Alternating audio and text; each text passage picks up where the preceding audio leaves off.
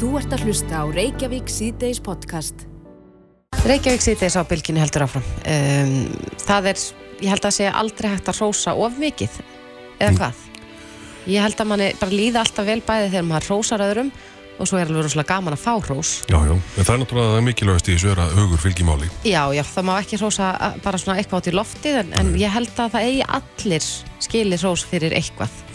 En um, geðhjálp gaf landsmönnum uh, svona geðræktar dagatali í byrjun ás Já, og dagatalið voru svona með svona einföld ráð uh, svo kallar G-vitamin og þetta var, er svona átak hjá þeim til þess að stuðla bættri geðhelsu en núna er verið að beina sjónum að rósi að því að rósa fólki. Og þetta er mjög, þau eru mjög virkin á Instagram. Já. geðhjálp og eru þar að, að já, svona hvetja fólk til þess að rósa og, og segja frá því hversu mikla veljan þetta getur leitt af sér á línunni hjá okkur er Grímur Atlasson framkvæmtastjóri geðhjálpar, kom til sæl Sæl, gaman að heyri ykkur. Já, og við erum náttúrulega byrja á því að rósa ykkur fyrir þessa herrferð.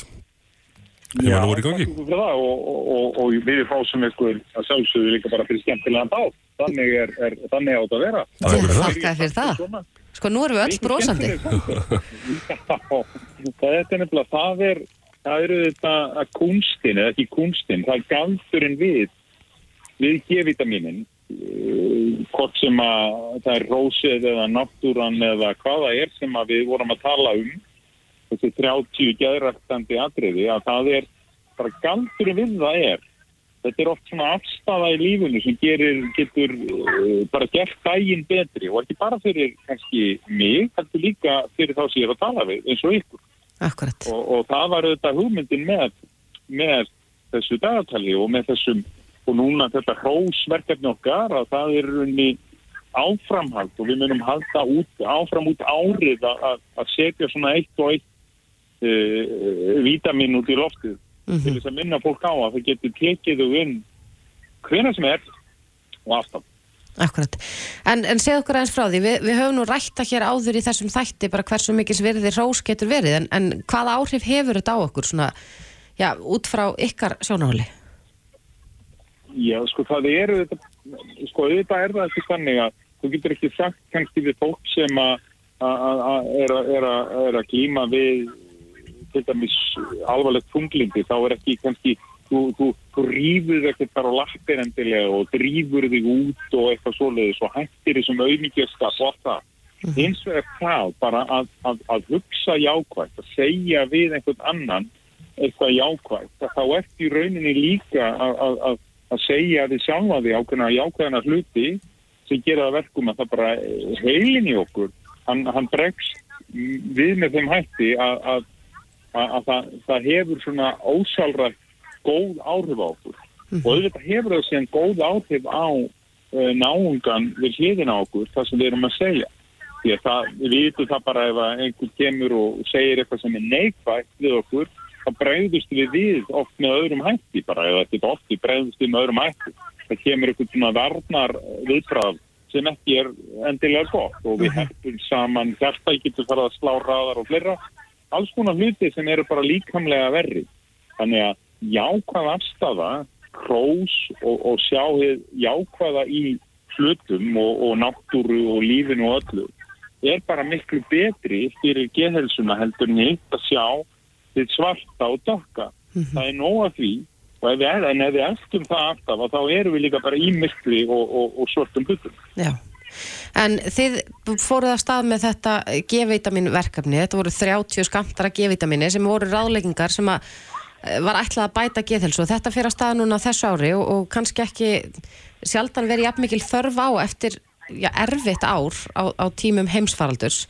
Um, fenguð þið upplýsingar um það frá, frá fólki sko, það hefur mikið verið talað um það í fjölmjölum að, að fólk hafi upplifað verri geðhelsu á þessum erfiðu tímum Það, það eru uh, sko, það eru þetta rannsóknir bara út um allan heim. Það var strax uh, alþjóða heilbyrðismálastofnunin varaði við. Það er einhvern faraldurinn sem slíkur væri vissulega alvarlegur og eins og við heyrum að það eru yfir fjóra miljónir manna sem hafa dáður sem faraldur og margir hafa veikst ítla og eru að glíma við það. Að þá er talað um það að, að, að kannski það sem að væri enn alvarlegra væri, væri geð, sko, sko geðhilsan til lengri tíma. Og, og við finnum það núna og það er auðvitað komið allt í ljós.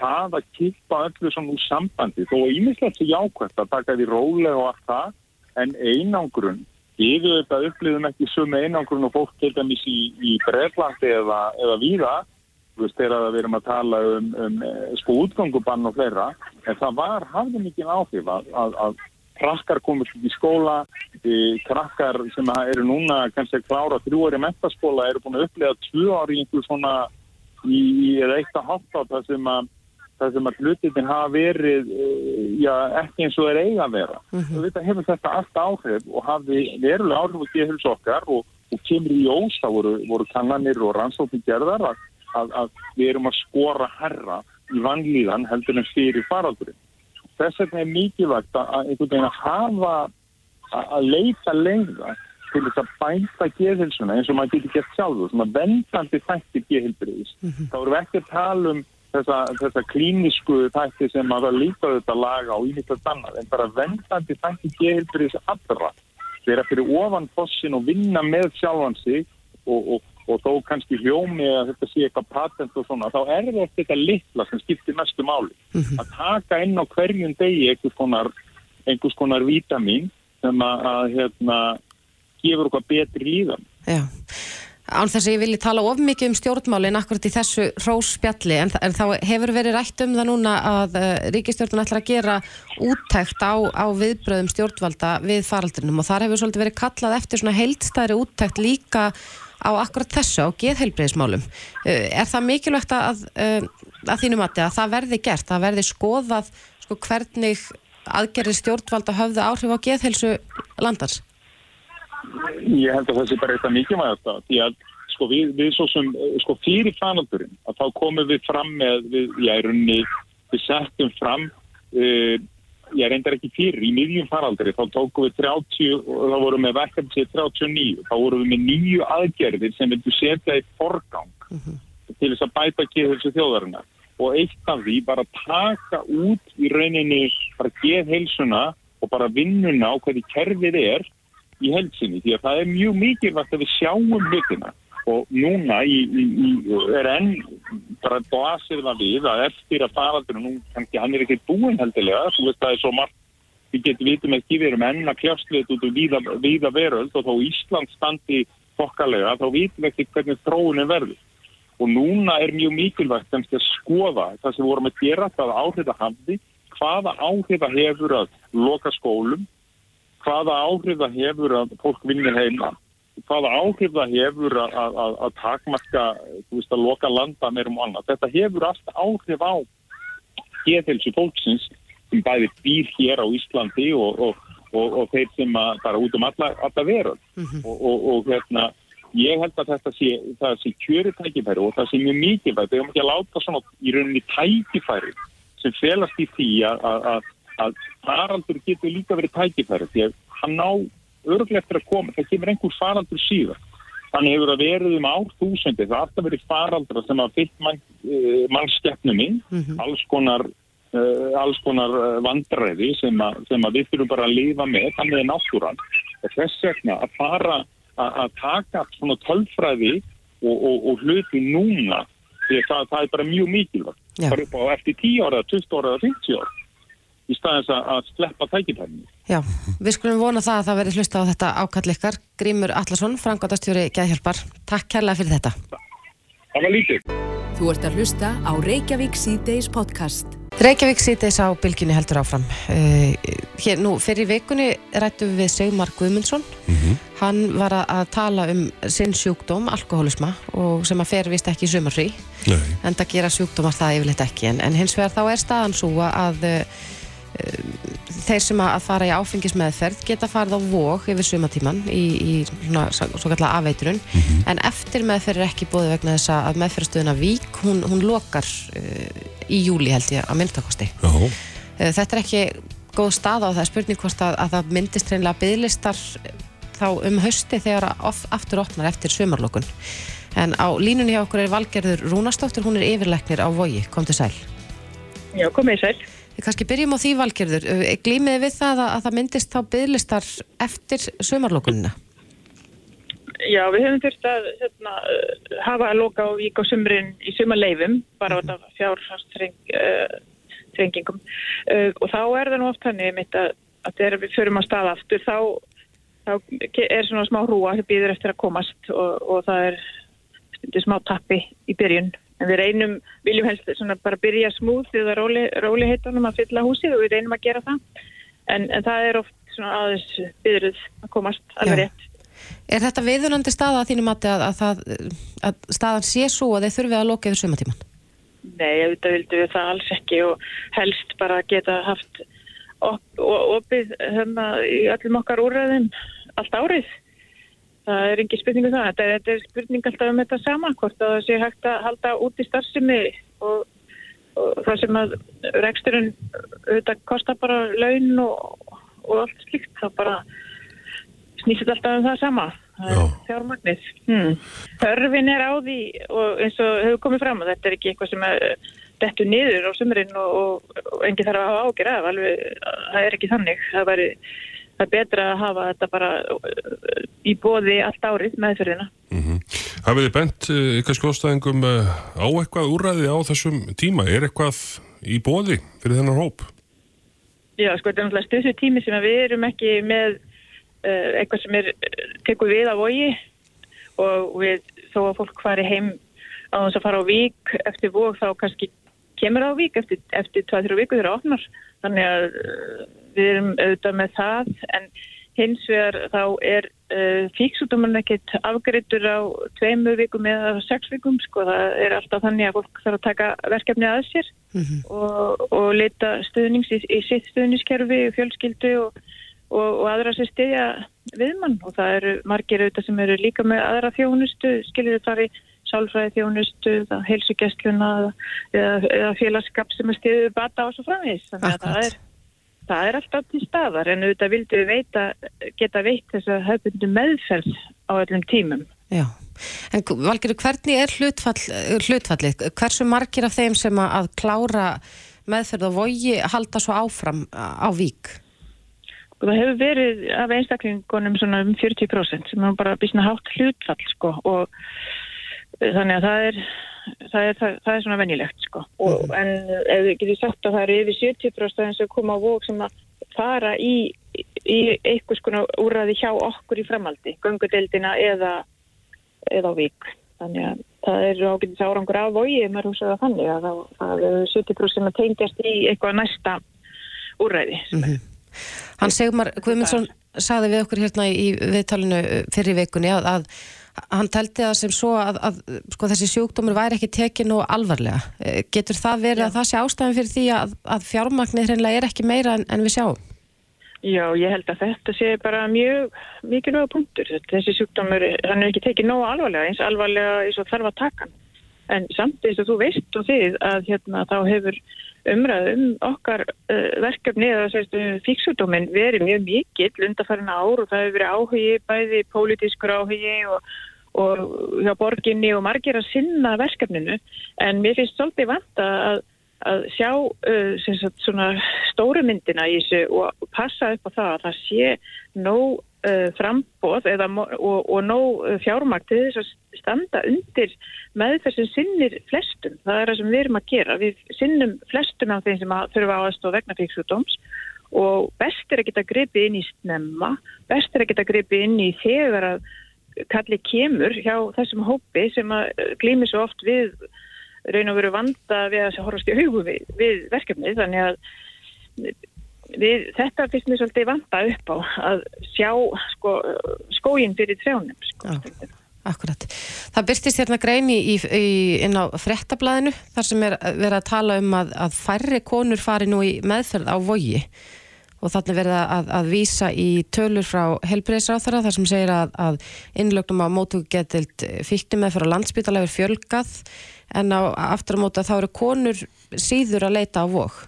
Já, ég held að þetta er einhver mískilningur, þetta er raun og veru öfugt sko en ég held að að hérna, ég veit ekki alveg hvaðan þessar upp, fréttir koma ég held að þau hafa nú alveg allar réttar upplýsingar frá okkur en, en allavega þá er það þannig að, að hérna, hlutfall hvenna hefur einmitt aukist og sérstaklega í fyrra á þessu COVID-ári það var herri, aðeins hærra prósendur uh, hvenna heldur en ári á undan og árun á undan Þannig, og líka í göngudildina, þannig að það voru svona fleiri konur hlutfarslega sem leituðu í fyrra heldur en, heldur en áður til okkar, þannig að það verður ekki dreyið úr því, en konur eru samt uh, færri en kallar í stóri myndinni. Og í fyrra þá uh, var líka minni eftirspurn uh, heldur en árun á undan eins og svo margt annað í samfélaginu. Já, eh, þú minnist á COVID, nú er búið að vera erfitt undanferðið rúmt ár hjá mörgum. Jógst áfengis vandin á COVID-tímanum? Sko, já, það má segja að áfengisvandin hefði aukist hjá þeim sem að hafa áfengisvanda Mm. en, við, en við sáum að það voru færri sem að sem að voru að sækja, eh, það voru fækkaði beðnum til dæmis og við sáum að það dróst saman uh, líka fólki sem var að koma í fyrsta skipti til okkar þannig að á, á þessu aðhalds, mikla aðhalds árið fyrra þá, þá eh, hafði það örgulega jákvæð áhrif á margt varðandi fíksutúmin. Það voru minni tilefni til þess að kannski lendi þannig aðstöðu að, að, að fólk fyrsti að fara að leita sér meðferðar og við getum svo sem öll eh, átt okkur á því hvað það var sem var öðruvísi í fyrra, varandi svona skemmtanir og, og aðgengi að áfengi og, og, og, tækifærum til þess að, að kannski fara yfir strikið eins og maður segir. Þannig að það hafði þau áhrif að það voru, voru færri umsöknir í hildina og það dróst svolítið saman sérstaklega kallmenn yngri en 40 ára. En hins vegar sáum við á þessu COVID ári að þessi komu voru lasknari og það var mi- mikla herra hlutfall þeirra sem drukku áfengi daglega heldur en áður, þannig að meiri drikki á þeim sem komu og þá sáum við líka aukningu í ópjóðum að það er þessu sterku verkefliðum og vanda tengdu því og, og það, er, það er það sem hefur verið stígandi síðustu árin og það jógst ennþá frekar í fyrra á meðan að dró úr eins og kókainu og svo leys sko. Akkurat. En nú er búið að leta öllum takmörkunum hér innanland svo maður hefur nú bara séð það í fréttum að skemmtarnalífi er svo sannlega farið að staða aftur. Hafið þið áhyggjur af því að það muni koma holskepla fólki og leita til ykkar svona á, á næstu vikum og mánuðum? Já, auðvitað, ég vona að það, þetta verði ekki eitthvað, eitthvað hálskefla en, en við vitum það auðvitað fer, fara hlutinni bara aftur í, í samt torf og, og það dróður í fyrra í þessu samhengi en núna er líklegt að það muni fara í innantina. Já. Valgerur Rúnastóttir, yfirleiknir á Vogi. Þakka kærlega fyrir þetta. Já, takk fyrir, það er gott. Já, sömulegis, bless.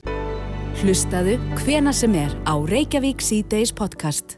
Á fossíðu fréttablasins í dag eh, segir mikill meiri hluti telur að illa sér staðið að málefnum eldri borgara þegar kemur að hjúkurunarheimilum um, uh, og, og svo er þetta tíundað uh, í blaðinu. Og, og, og dæmum um hlutskipti þeirra sem að hafa lent inn á þessari galiðu en þetta er okkur full kunnugt um sem að erum svona ornir eldri borgarar eða nálgast það eh, eins og óðfluga.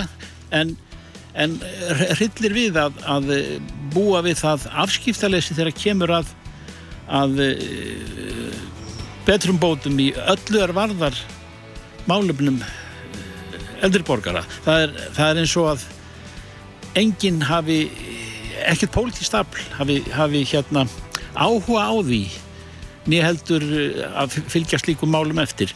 Viðar Ekkjarsson, þú hefur nömi land í, í stjórnmálunum til þess að koma þessu þe- þessum sjónamiðum að því að það er eina leiðin er það að eldri borgarar fari í frambóð Já, sko, það skiptir mjög miklu máli að eldri borgarar knýji á sín mál á öllum vikstöðum. Þeir hafa haft vettvang eins og að skrifa greinar, fara á fund stjórnmálamennar, fara á fund ráð þeirra vekja aðtekla á sínum málum og það er eitt hluti af, af baráttinni. Annar hluti er það að setjast við borði þar sem ákvarðaninnar eru teknar. Því að eldri borgar hafa allir jafna ekki aðganga því borði, þeir eru ekki með samlýsborð, þeir eru ekki með verkvælsrétt, þeir eru afgangstærið í mörgum stjórnmálaflokkum. Og svo er þetta að mörguleiti fjárhagslegt mál. Og meðan að við erum með stjórnvöld, við erum til dæmis núna með fjármálarahóðara sem að heldur pastum pingju ríkisins en deilir út fyrir þaðan í kannski þau verkefni sem að við erum ekki sátt við en heldur að sér höndum í þeim málum sem við teljum brína þörf á að gera eitthvað í og þegar þar komum við að þessu stóra máli um, um almannatryggingar og hérna ellilíferi og tétur sem fólk á að fá eftir langan vinnudag, við getum komið að því eftir en við erum að tala um hjókunaheimili. Þetta er líka ástreitingarsteitt stjórnmálana, það er að segja hvernig á að reka hjókunaheimili. Hjókunaheimili hefur verið, það hefur verið sátt um það í íslensku samfélagi að þetta sé almanna eign, að þetta sé almanna réttur að eiga góða og hilsusamlega dvöl að æfinni, svona á sístu dögum æfinnar á hjókunheimili að það sé vel búið af fólki en þá kemur hinn stjórnmála hliðinu að þetta sé jafnvel hægt að nota sem engavæðingar leikfang.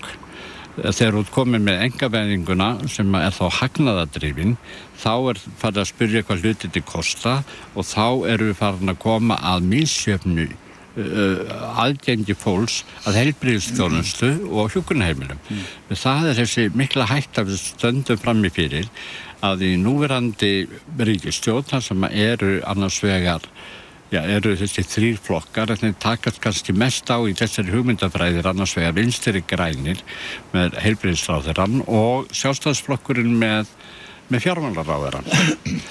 Eh, heilbríðsráðurann aðhyllist þá stefnu sem ég aðhyllist og, og sá flokkur sem ég er í frambóði fyrir samfélkingin, við erum nokkuð samstíga þar, við viljum góða heilbríðsþjólustu fyrir allan almenning, burt séð frá stöðu eða stjett eða efnahag. Mm.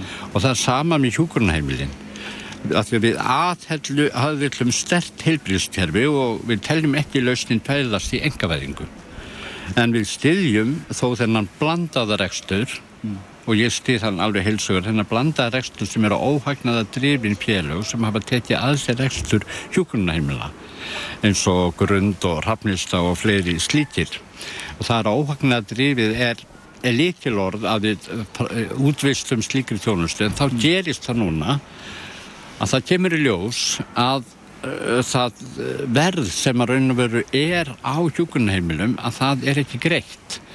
Fjármálaráðuniti greið, greiðir ekki það verð sem að þessi óhagnaða drifni fjölug þurfa. Og ég skrifaði einmitt í þessu sama frettablaði í morgun sem var þetta vitna í um, um hérna, þennan þessa skoðanakönnun. Þar skrifaði ég grein sem hétt mennskan skori niður og þá gerist það að þessir aðila sem er að reyka þessi heimili og fá ekki til þess nægt fjármagn að þeir sjá sig annarkot knúna til að bara afhenda ríkinu aftur heimilinn af því þetta er ábyrði ríkisins mm. eða hreinlega stjera niður þjónustuna mm. stjera niður þjónustuna við okkar veikasta hóp þetta fólk sem hefur lokið langri starfsæfi og er í veikri stöðu og hefur ekki aðstöðu til að mókmæla þetta kemur fram í ótrúlegustu hlutum þá allt hérna er sagt við aðstandendur já við höfum ekki mannabla til að hjálpa mannestinni inn á hálsnýttinguna sem er í sama húsi til þess að snirta sig. Þetta er ákveðin sko niðurlæging fyrir fólk því að gamalt fólk hefur sömu sjálfsmynd og yngra fólk. Það hefur alveg sömu sjálfsmynd að þurfi að líta vel út, það þurfi að vera með snirt hár og þegar er þessi sjálfsmynding tekin af þeim þá er það svo grimm aðgerð. Mm. Og þetta er allt afleiðinga því að við erum með fjálsveldi stefnu gagvart hjókunahimlu. Mm. En við erum, uh, uh, sko, svo er það þetta að það að vera orðin eldriborgari, það er svolítið afstætt. Það var annað fyrir 20-30 árum en í dag þegar mann eru í fullu fjöri og, og þá kemur til einhver hlutur sem að, sem að engan óraði fyrir og það, er, það eru skerðingar. Þa, það er einhver, einhver, einhver aðgerð sem ekkert hefur verið samið um, það er bara innliða ákveðið Já. af kerfinu. Já stjórnendum fjármála hér í landi og, mm. og, og, og svo eru menn að fara á eftirlaun og það er allt undan eh, undir öllum framfæslu vísitölum sem að í vasan kemur. Já, já, þetta er þetta, er þetta sko frá því að almenna trýtingalögin tóku gildi 1949 þá var upphaldið hugmyndin að þau að elli lífeyri sem þá var til með þeim lögum að hann er ekki tekið tengdur en hann var það strax að það var allavega tengt við ef að fólk hefði fyrir það mikla tekjur að, að þessi framhæsla frá eða þessi greiðsla frá ríkinu kem ekki til og þannig að, að það var ekki fyrir 1960 sem að þær tekjutendinga voru afnumdar. En þá var líka elli lífir bara 20% af lámaslaunum verkamanns 20% af lámaslaunum verkamanns í dag eru 70.000 krónur. Þá stöndum við fram í fyrir því, erum við sammála því að bara allir fái 70.000 krónur og svo bara ekki meir. Við erum líka að tala um hvaða upphæð. Þú okkur finnst þið rétt að allir lífið er sé og hvaða upphæð er þá stert. Eins og staðan er í dag, samkvæmt lögum sem fóru gengu í gildi í áspyrjum 2017, þá fær fólk tiltölega svona aðeins þokkalegri ellilíferi sem sett hægsta mögulegan ellilíferi sem í dag er 266.000 hann hefur í verðgildi lækkað. Hann var mjög nálast lámaslönum þetta dekkigildi og ef það væri þá væri líferi í dag 351.000 en það vantar 85.000 krónur þarna milli Síðan var þá líka sett tetjumörk, svona prítetjumörk, þannig að fólk hefði geti haft ákveðna viðbóta tetjur annars að skelti þessa uppæð. Það er kallað prítetjumörk. Annars vegar almennt prítetjumörk sem var þá greiðslur og lífeyrissjóði eða fjármástetjur og hins vegar atvinnutetjur ef fólk var enda á, á vinnumarkaði. Eh, þetta frítekjumark, almenna frítekjumark sem á til dæmis við um lífeyrissjóði var 25.000 fyrir rúmum fjórum árum og þrátt fyrir verðbolgu og allt þá er þetta ennþá sama krónutalan. Svo það má raun og veru líta á hana sem hann hafi lækkað á öllum þessum árun mm. þannig enn það er ekki bara grunnlífurinn hafi lækkað heldur líka tekjutingin þannig að eftir að henni sleppir þá er 45% stjerðing á öllum sem þýðir það að fólk er að borga, jú, skatt líka af viðbótatekjum, af eh, lífeyrisjóstekjum og svo skerðist það þannig að það hefur verið sagt hérna að sá sem er að fá 50.000 viðbót frá lífeyrissjóði fyrir hverja 50.000 krónur þá heldur hann bara 13.000 eftir af því að skerðingarnir er svo svakalega mm. ég vil sjá að allir fái að þessi grunnlíferir sem að allir standin til bóða sé eins og lámaslöginni 351.000 og ég vil sjá að frítekjumarki, það skiptir ekki máli hvaða tekjur þú báir, hvort það er aðtunumtekna eða hvað það að það hækki upp í 150.000 þannig að þú set með minnskosti 500.000 brútt og áður en það hefur nokkur áhrif að ellífur þannig að þá ertu komin með allavegna fólk sem að þá getur fólk lifað undir eða veist, fram yfir framhæslu viðmiðunum mm. þegar að fjármælar segir um daginn þá prósaðan sér yfir því að já, samkvæmt miðgildi talna þá væru eldri borgarar að miðgildi með 400.000 krónur. Þetta eru 400.000 krónur brúttó sem týði það ef það eru miðgildi þá eru um 80.000 manns með 400.000 krónur eða minna í brúttótekjur sem týðir að fólk, allur þessi hópur er að lifa á tekjum sem er rauntekjum, framfæslum 200 til 300.000 krónum og við bara getum sett okkur sjálfur í þau spóra því við erum báðið vinnandi menn en þá að við myndum ekki geta að lifa á þessu. Þetta fólki er ennþá að borga háan húsnæðiskostnæðir, ennþá að borga mm. lánum og svo framvegis. Þetta gengur ekki, við þurfum að tryggja það að fólk geti lifað á mannshæmandi hátt að það pái sko minnskosti það sem þarf til framfæslu sangant ofinbyrjum viðmiðunum segir Viðar Ækjarsson leikari og, og eh, frambjóðandi í stjórnmálaflokki og það er svo leið sem að hann velur og telur ákjósanlegast til að koma þessum viðamikla málaflokki sem hefur einhvern veginn eh, silt í strand Eh, þert yfir hitt pólitíska svið ef við, við beinum sjónum að því. En, en uh, við, ég hérna þakka fyrir spjallið og, og, og óskarðir velfarnar á þessum, á þessum vettvangi Þakka fyrir það, ég er rétt að byrja Ég er svona það sem kallaður yngri eldri borgari. Því eldri borgari í dag, sko telja svona, samkvæmt að félögum eldri borgara, þá getur þú orðið 60-ur, þú fer í félagið, þú getur átt foreldra sem eru áttræðir og svo kannski af og ömmu sem eru 100 ára. Þannig að þetta er þrjár kynsluður, þetta er mikil breytt, þetta er alls konar fólk. Og Takk. við viljum öll lifa góðu lífi. Reykjavík síðdeis á bylgjunni. Reykjavík síðdeis á bylgjunni. Það kom fram í fréttum í dag að, um, að það sem aðver ári hafa aðeins 49% kvenna mætt í skimun eftir brjóstakrabbaminni Já, eftir að hafa fengið bóð frá samhæfingastöð krabbaminn skimana. já, Uh, Svörun frá landlæknis embættinu sem að, að vísi bárust er eh, svo að, að mætingin uh, sé langt undir ásættanlegu viðmiði. já, þetta er ekki góða fréttir. Nei, svo sannlega ekki og það er spurning, nú, nú höfum við allt þetta ár nánast verið að ræða um þessar breytingar á skimuna málum, mm aðalega varandi leghálskrabbaminn sem var flutt til heilsugjastlunar um áramótin og, og konur hafa talað um aðfur að sinni heilsu. Já, Það er spurning hvort að, að, að trú fólks á þessu skimuna kerfi að trú hvenna sé reynlega að dala. Á línunni hjá okkur er Halla Þorvaldsdóttir, framkvæmtastjóri Krabbameinsfélagsins sem sá áður um þessar skimanir. Komdu sæl. Bless og sæl. Já, nú er mikið búið að ræða í fréttum um, um þessi skimunamál. Bæði voru skimanir fyrir brjóstakrabbaminni fluttar til landsbytala og svo leghálskrabbaminn skimannar á heilsugjastlunar. Hvernig metur þú stöðuna? Er hætt á því að konur séu hættar að hafa trú á kerfinu? Ég held auðvitað að sko þessi vandræði sem að hafa verið eftir breytingarnar, uh, ég held að það sé ekki spurning að, þær hafi, að þau hafi haft áhrif í þá átt að, að draga úr trausti hvenna. og, og við hjá félaginu höfum lagt mikla áherslu á það að það þurfi virkilega að setja vinnu í það og vanda sig við að byggja upp það traust aftur. Og, og já, ég held eiginlega bara að það segir sér sjálft, sko. En hins vegar að, sko, þá finnst mér nú líka líklegt, ég meina það hefur komið fram, það hefur komið fram á, eh, af hálfu heilsugjæstunar, af hálfu landlæknis og heilbreyðsáður hefur tekið undir það að undirbúningurinn af breytingunum var ekki nægilega mikill. Og það þýðir að þetta hefur óneitanlega haldrað daldi mikið allt saman.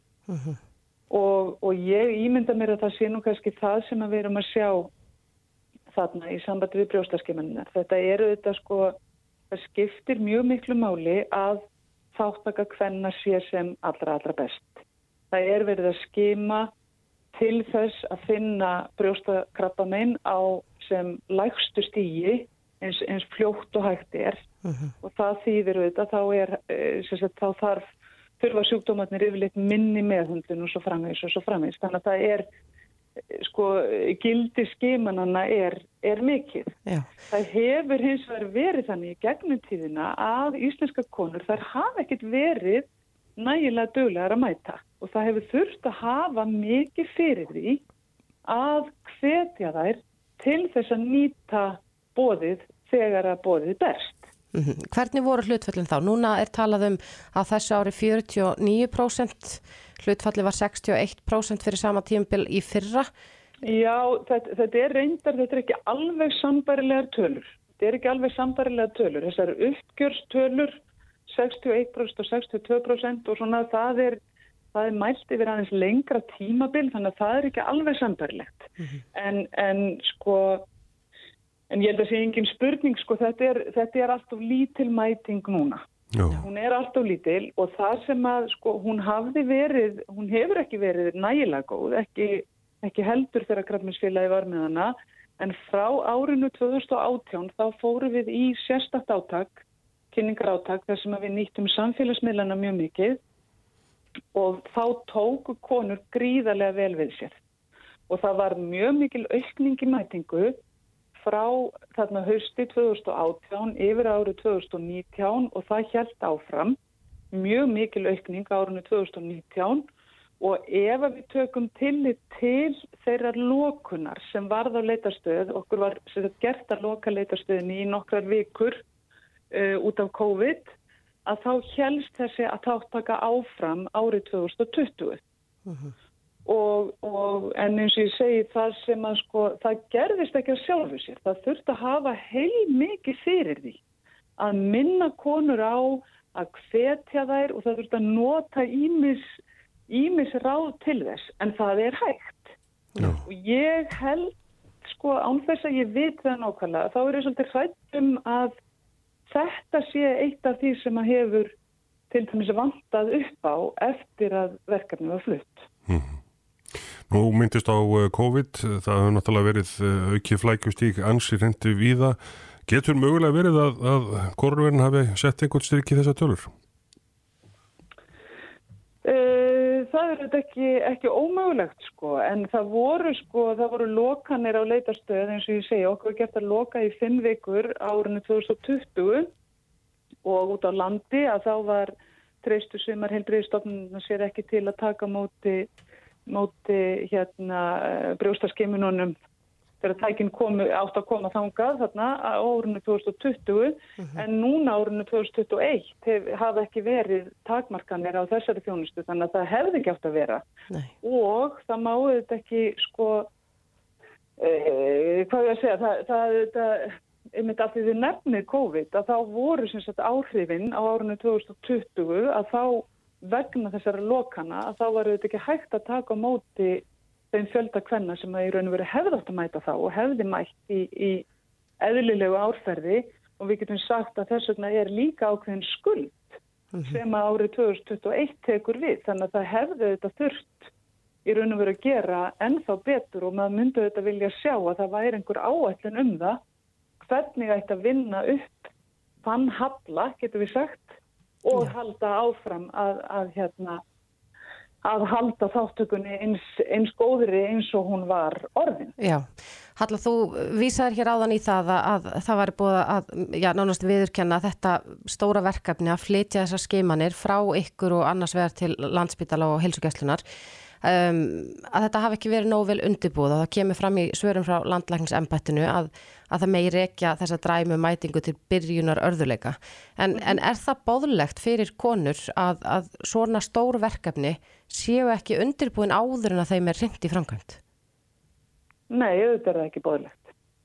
Og það eru auðvitað bara ekki bóðlegt hvort sem að í hlut eiga konur að kallar sko og þetta er náttúrulega bara eða ég allavega ímynda mér það að, að það sé hægt að draga mjög mikinn lærdóm af þessu máli bara fyrir alls konar verkefni sem að er verið að færa á milli aðila. Að það þýðir ekki að sko ætla að bregðast við og, og e, já, að, að undirbúa um leið og, og þjónustunni farin af stað. Það bara, e, og það segir sér sjálft sko. Og ég vona sannlega, eins og ég segja, að það verður dregin lærdómar af þessu, því að þetta er, þetta er bara mjög dýrkeift því miður, því miður.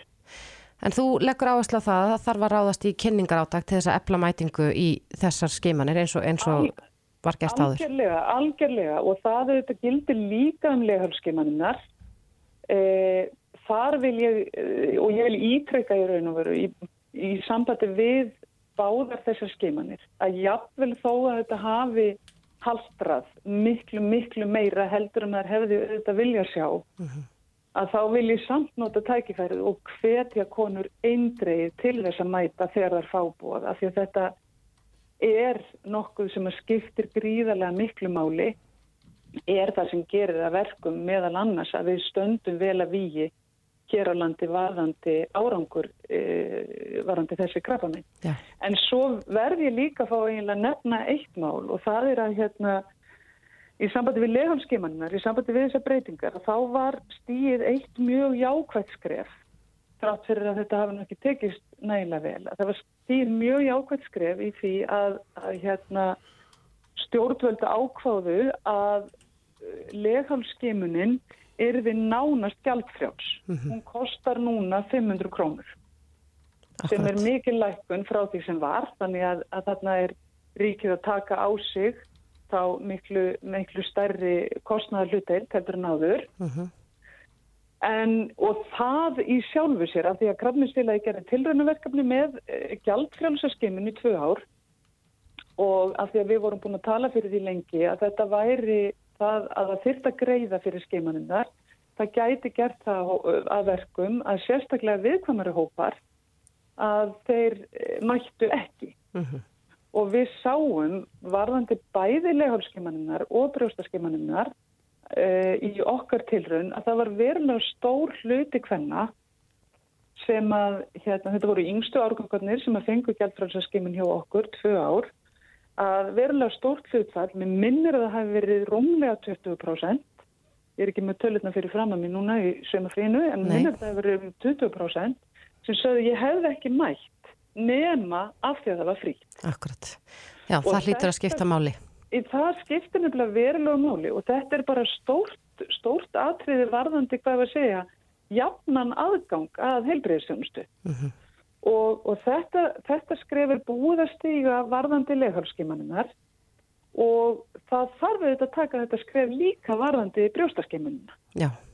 Ef það virkilega leggja áherslu á það auka þáttökuna þá þarf að sinna kynningarlutverkinu bara alveg gríðarlega vel, ekkert síður heldur en skiminunum sjálfum og að drífa í því að gera þessa skimin líka uh, eh, gældfrjálsa líkt og leihálskiminuna. Já, Halla Þorvaldsdóttir, Frankandastjóri Krabbamennsfélagsins. Takk kærlega fyrir þetta og, og njóttu þess að vera í frí.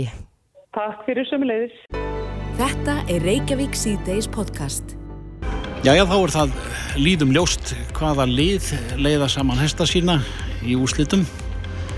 Það eru englendingar á heimavelli, annars vegar og svo hins vegar Ítalir sem að hafa komið, já mörgum þeim sem að gjör þekkja ítalskan bolta. Eh, Solido Vartsson úr fjarlagð, en þeir hafa með, með sínum stíl og, og, og, og svona vissri leikleði og breytilegum uh, liðsuppstillingum og svona. Þetta er svona eitthvað sem að maður hefur ekki oft séð og, í, í, í fókbaltanum og hann Mancini sem að stjórnar þessu öllu saman og hér manna þekktra ítala sem stjórnar öllu stóra smá og svo náttúrulega leikmennir. Þetta er, þeir koma svolítið fram fyrir augu alheimsins svona sem svona eitt stykki hér og eru konið til þess að, að sjá og, og segra, þeir eru konið í úslita leikin Pála Turki er eh, borun og baltfættur Ítali. Auðvitað íslensku ríkisborgari hefur hér allir mannin um langan aldur fylgist grant með þessu, ertu ekki intermaður? Ah, jú, jú, það þurfti kannski ekki endilega að segja það en þetta er okkar ári, Inter vann dildin á loksins eftir tíu ár tíu ára byggð og vonandi er komið núna líka annað sigur reyndar tríði en að þess að Ítalja vann Eurovision úr því að ég er núna fyrir fram að þið og við vil minna fólki á sem hefur ekki kannski farið mjög hátt uppi en Ítalja er búin að vinna eitthvað þessu ári. Og nú þegar en uh, ég vil ekki jinxa þetta. Það er, ég er mjög hjátrúarfullur og eins og allir Ítalja varðandi fótbolta og ég er alltaf ekki að spá fyrir leiknum á sunnudagin ég ætla ekki að jinxa það og, ég, og ég, þetta er allt í lausu lofti. Þetta er 50-50 leikur og hérna. Ja, Ertu uh, þú, þú spáur ekki þegar á, á svona þegar komið er óstynda stundu? Vita ekki, maður verður að gera það. Ég, ég minna maður myndi alveg uh, svona eiðileggja nokkuð veginn þó að maður víti alveg nákvæmlega að maður hefur engin árið á þessu og sjálfsög en eins og líðir af að spila, þetta eru tvö ólík líð, maður verður að segja það að Ídalir eru að spila mjög svona nútímalega fókbólta uh, sem er eiginlega eins og fókbólti á að vera spilaður árið 2021 og ungur svona ungir leikmenn í raun og veru svona meir og minna frá öllum uh, liðum á Ítalju sko ekki blokk eins og hefur verið uh, kannski vilóðandi við ítalska landsliði að þeir hafa alltaf vali bara blokk. Til dæmis blokkur Juventus.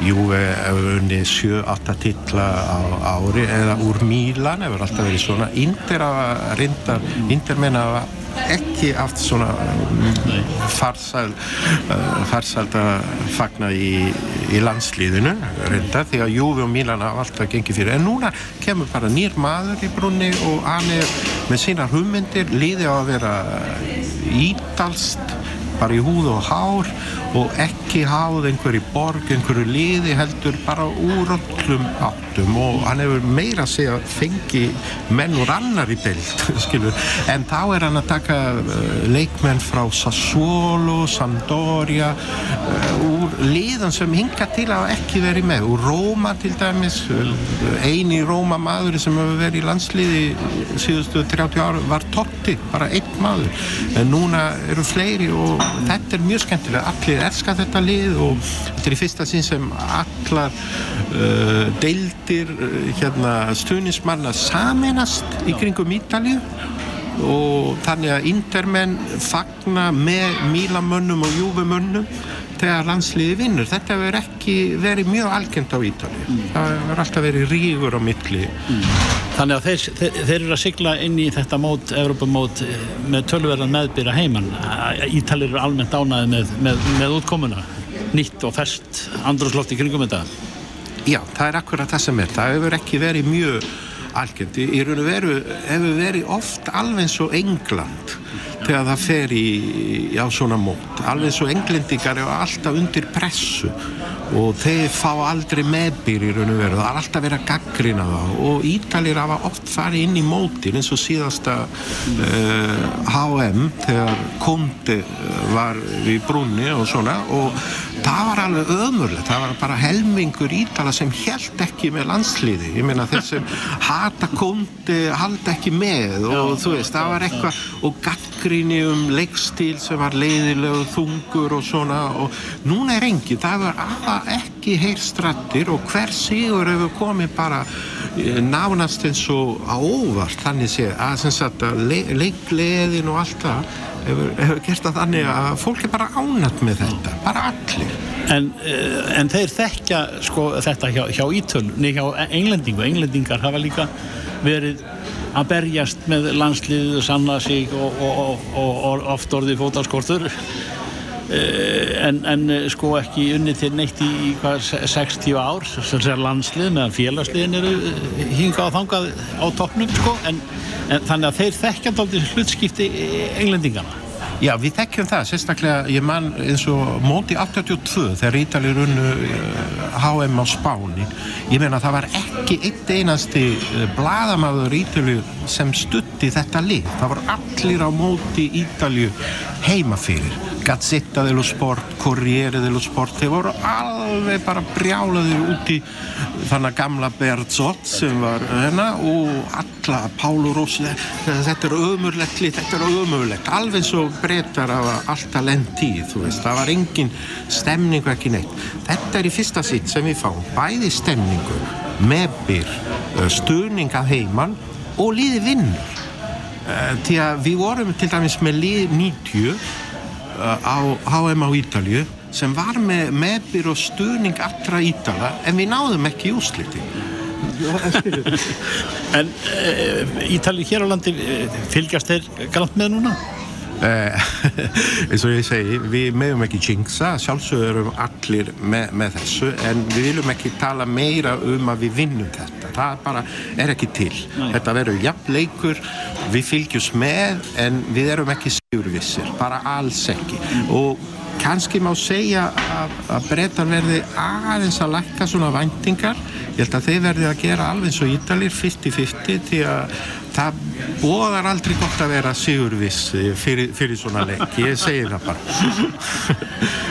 Já, þannig að ég fæ ekki upp úr þér svona hver, hver niðurstaðarleiksins verður en, en, en aðtiklisvert þess að hún segir að, að þeir eru svona þau eru landsliðin bæði tvö á sunnudaginn. Þau verða svona í svipuðum spórum gagvart sinni þjóð. Það er að segja bæði ítalir og brettar en við getum ekki sagt þetta verði spennandi leikur. Uh, Spennandi ef, ef maður ætlar að sjá fótbolta að sjá virkilega svona góðan fótbolta taktík uh, bara tafl og hvernig menn setja upp liðin og svona. Ég veit ekki hvort að við höfum eftir að sjá eitthvað 5-3 spennu en það er ekki það sem fótbolti snýst um. Ég held að besti leikurinn að við verið í Ítalja spákn 1-1 ég held að við verið besti leikur á mótinu. 1-1 leikur, skilu, ekki 5-3 leikur. Já, uh, það er Pála Turki uh, sem fylgist með öllum sköpum hlutum hér á Íslandi eins og í heimalandinu í, í Ítalíu og uh, vill ekki spá. Það er, það er, það er alls konar alls konar enkenni á, á, á þjóðunum svona með það hversu opinskáður eru gagvart spátumum í, í, í fókbóltanum en eðum hodninu er þá loki hérna hjá okkur í Reykjavík síðdeis nú er það bara úrslítaleikurinn framundan og, og e, ég bara óska öllum góðrar skemmtunar og þér líka Pálo Turki, tjá. Tjá, grazie. Reykjavík síðdeis á Bilginni podcast. Reykjavík síðdeis á Bilginni heldur áfram. Ferðarþjónustan, hún er aldeilis að lifna við. Já. Maður sér það sko bæði á tölum þeirra sem er að koma hinga til lands erlendi ferðamenn en fjöldi farþega þrefaldast að milli mánaða. Um, svo sér maður líka bara Íslendingar eru mikið á faransvæti mm -hmm. bæði sko innanlands og á millilanda Já það er búið að vera gott viður í það mista fyrir norðan og austan mm -hmm. Og uh, svo hafa sunnendingar og þeir sem að hér eru nær okkur ekkert farið varhut að því heldur. Nei, nei, það, það hafa komið nokkru sóladagar hér. Já, já. en við kvartum ekki. En uh, það kom fram í fréttum hér fyrir vikunni að fyrirtæki ferðarþjónustega í vandrað með að fá fólk í vinnu. Mm -hmm. uh, skortur á starfskröftum sem veldur því að, að opnun ferðarþjónustega gangi hægar en hún gæti annars gert. En það ringdi til okkar maður í gæri í símatíma sem sagði okkur frá því að hann er leðsögumadur og hefur starfað við það í ára raðir Jó. en hann sagði að ferðarþjónustu fyrirtækin væri að bjóða laun sem að honum og fleirum í þessum gerð þetta ekki bóðlegt að, að vegna COVID að þá eru starfsmenninni svolítið látið taka á sig skellin Jó. en á línunni hjá okkur er Jóhannes Þór Skúlason framkvæmtastjóri samtaka ferðarþjónustunar, kom til sæl. Komið sæl Já, kannski byrjum á þessu, Jóhannes. Um, uh, þú heyrðir þar sem við sögum hérna með manni sem ringdi í gær. Um, er þetta eitthvað sem þú hefur heyrt af innan ferðarþjónustunar? Eh, ekki beinlínis, en, en uh, ég ætla nú ekki að, að þvertaka fyrir það að það sé einhver fyrirtæki sem er að reyna að lækka launakostna þá með einhvern svona hætti, en, en minni þó á það að bæði það að, að svona með mínar upplýsingar þá er þetta nú ekki almennt í gangi, heldur jafnvel frekar þá í innáttina þar sem að fyrirtæki hafa þurft að, að bjóða heldur herra, herri laun til þess að, að e, fólk komi vinnu. Þetta er náttúrulega að fera ansið mikið kannski eftir því hvaða störfi verða að ráða í og hvernig aðstæður eru en, en e, hitt er svo það að, að hérna, e, það náttúrulega eru í þessu tilfelli til dæmis varandi leiðsögumenn, náttúrulega bara í gildi kjærasamningar við leiðsögn sem að við náttúrulega leggjum áherslu á að okkar aðeldarfélug fari eftir. Mm -hmm. En um, nú er talað um að það sé erfitt að fá fólk til vinnu. Þetta getur mögulega verið einskýringan en er, er líka vandin sá að það er erfitt, hinga til hefur verið mikið af, af erlendu uh, fólki, þess að fólk sem kemur hinga til þess að vinna í ferðunstu. Hefur þetta fólk ekki komið aftur? Ég held að það sé einmitt málið að sko það eru margar skýringar á þessu sem að síðan leggjast saman.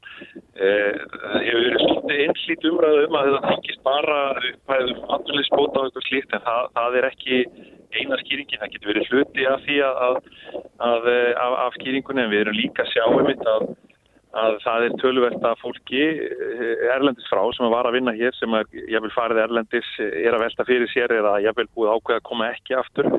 Við erum líka að sjá það að Íslandingar sem að voru að vinna í ferðarþjónustu þeir hafa hug á því að taka sér gott sumarlefi og koma svo bara aftur til starfa í haust þannig að það er svona ímislegt sem að er að leggjast saman mm -hmm. í þetta og það sem að er kannski áhugavert í þessu er að þetta er náttúrulega valda því eins og ég segja að fyrirtæki hafa þurft að, að svona reyna að bjóða starfsfólki ég vil sérstaklega í ákveðnum greinum það sem að eru kannski til dæmis eins og með sérmentaðleið sögmenn eða, eða þjóna, kokka og, og, og svo fram í til göttunum þurft að bjóða heldur herri laun til þess að fá fólk til, til starfa ymmið tvegna þess að það eru orðið tværra starfsfólk á e, í bóði mm -hmm. e, En e, nú man ég eftir því að við tölum við þig hér á síðast ári og þú varaðir við svona ákveðnum spekileika sem gæti átt sér stað innan ferðarþjónustuna fólk snúi bara hreinlega annað og, og hef ég störfa á öðrum vettvangi. Telur að, að svo sé raunin? Já, það er alveg klárt að það er eitthvað af því sem hefur átt til stað. Við, við, það er svona lýsi sér að, að hluta til í þessu. Við erum ekki að fá tilbaka til starfa fólk bæði innlend og erlend sem að var áður í greinni og það er, það er mjög áhugavert að, að sjá að, að þetta er ekki bara, þetta á ekki bara við Ísland og okkur svona hætti stundum til að svona horfa á hlutin eins og það sé eitthvað sérstakt að gerast á Íslandi en ég var til dæmis að, ræða í, í e, síðustu viku við, við e, einn, einn af svona eh, helstu ferðamálar ágjöfum og, og fyrir um ráðanstjóra ferðamála í, í, í Nýjasjálandi sem þekki vel til á Íslandi líka og þar kom þetta upp nákvæmlega sama atrið að, þar er fólk ekki að skilja sér tilbaka bæði erlenda starfsfólki og, og erlenda starfsfólki e, í rauninni að sér virðist af mjög svipuðum orsökum, þar að segja svona markþættum orsökum sem að er að leggja saman í það að það er erfitt að manna störfin. Já. Hvernig er það annars með ferðarþjónustu fyrirtækin? Hvernig komaði svona almennt séð undan þessum COVID, langa COVID-vetri? Voru mörg sem að þurftu að leggja upp laupana eða eh, hvernig spjaraðu sig?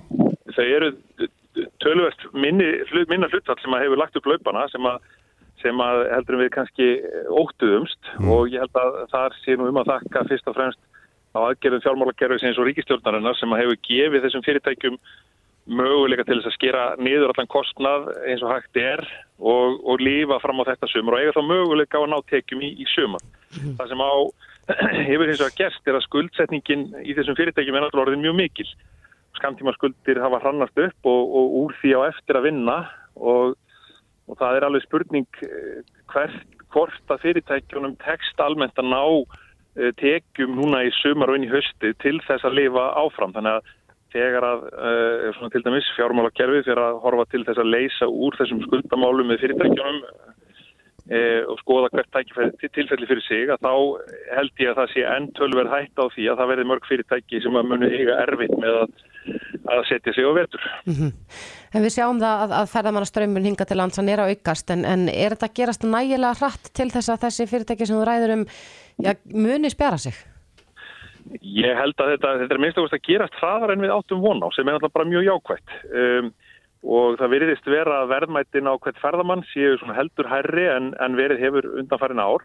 Það er líka mjög jákvægt. Uh, við vitum hins vegar að það verður ekki segja fullt ferðamanna ár í ár. Við erum kannski með helminga því sem að, eða undir því sem við, sem við vorum með 2019.